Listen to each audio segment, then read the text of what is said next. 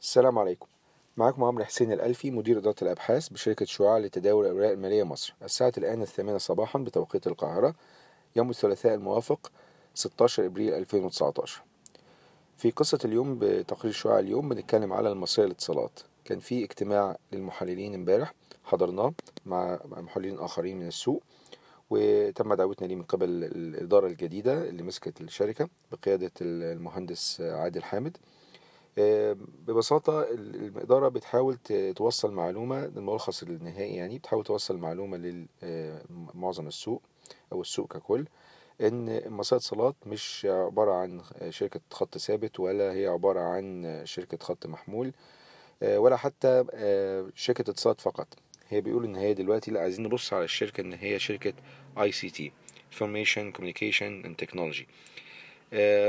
جزء كبير من الإيرادات بتاعت الشركة يعني فوق ال 45% بيجي من ال business اللي هو بنسميه wholesale هي عندها الشركة عندها retail وعندها wholesale المشكلة إن الإدارة شايفة إن السوق بيركز أكتر على ال retail ومش مدي اهتمام قوي بالقطاع الآخر اللي هو مهم اللي هو قطاع ال wholesale وده اللي هو عن طريقه الشركة بتوصل شبكات المحمول ببعضها وبالإنترنت الشركة بتستفيد من الاتصالات الدولية.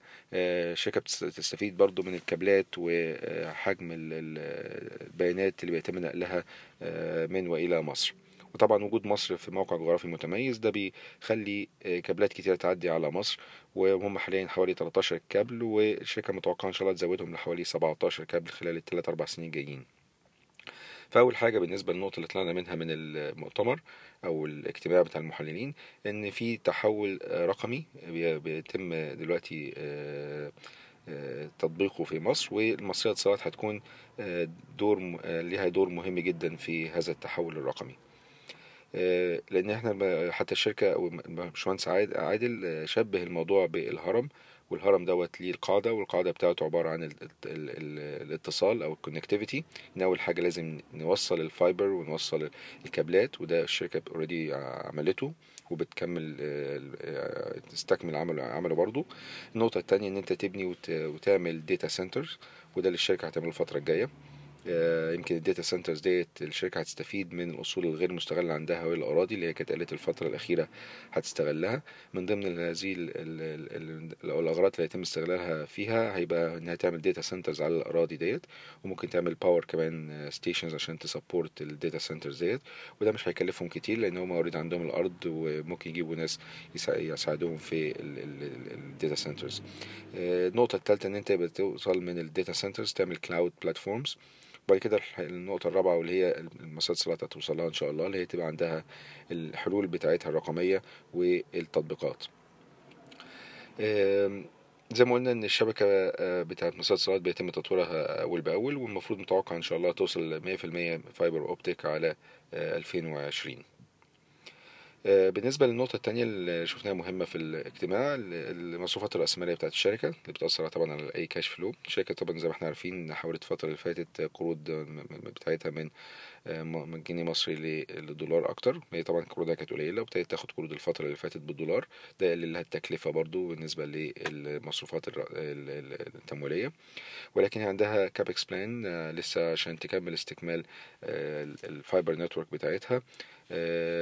نتكلم على تقريبا من 33 ل 35% من الإيرادات في السنتين الجايين وبعد كده إن شاء الله تبتدي أه النسبة دي تقل أه بعد 2020 بالنسبة للأراضي زي ما قلنا سيتم استغلالها عن طريق يعني بناء data centers واستخدام جزء منها برضه عشان يولدوا الطاقة علشان ال data centers دي بتحتاج طاقة كبيرة. النقطة الثالثة يمكن الأخيرة والمهمة اللي إحنا شفناها في الاجتماع طبعا توزيعات الأرباح من فودافون اللي كانت طلعت في الفترة اللي فاتت و حوالي فوق ال 12 مليار جنيه فودافون إيجيبت هتوزعهم للمساهمين بتوعها ومن ضمنهم مصرية اتصالات طبعا اللي هي بتملك 44.95% من 100 في المية. ودوت يعني يمثل فوق الخمسة مليار جنيه والجزء الأول بتاع المبلغ دوت الشريحة الأولى تم استلامها already في نهاية مارس اللي فات والباقي إن شاء الله هيتم استلامه خلال السنة الجاية. بالنسبة لسياسة التوزيعات الأرباح لشركة مصرية اتصالات يعتبر التوزيعات اللي هتقوم بيها المصرية اتصالات في الفترة الجاية مش هتبقى عالية تبقى طبعا عندها CapEx plans لازم تمولها ولكن هيعتمد زيادة توزيعات الأرباح الفترة اللي بعد كده إن شاء الله على دخول الشركة في deals قوية تجيب لها cash flow زي ال deal اللي دخلته مؤخرا مع شركة بهارتي ايرتيل الهندية. آه، فخلال حتى يحصل الكلام دوت آه، الشركة هتركز أكتر على التوسع آه، في ال digital platform بتاعها تبنيه وتكمل استكماله وزي ما قلنا هي مصرية اتصالات قبل كده هي مش بنتكلم على شركة اتصالات في رأينا لا دي شركة بنية تحتية في قطاع الاتصالات ككل اللي عايز exposure على السوق المصري بكل أنواعه إذا كان موبايل fixed انترنت المصرية اتصالات هتكون هي السهم المستثمر يستثمر فيه.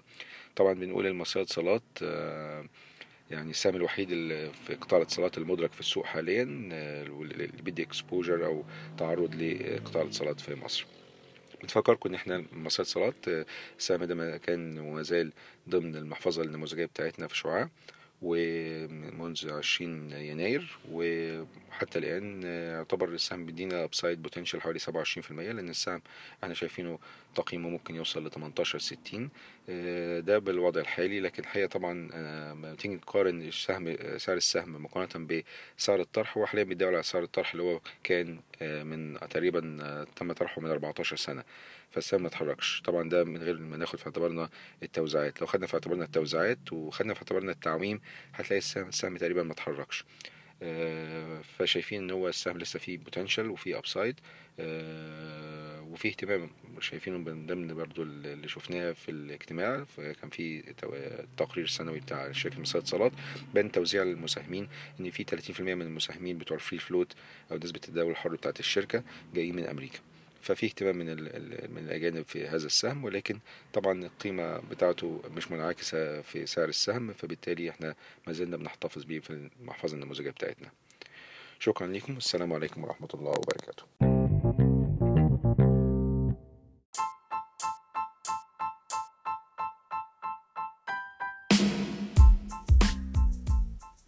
هذا الملخص الصوتي هو لأغراض المعرفة فقط ولا يمكن اعتباره عرض شراء أو بيع أو إدارة استثمارات أو خدمات استشارية. ينصح باستشارة مستشارك المالي قبل اتخاذ أي قرار استثماري.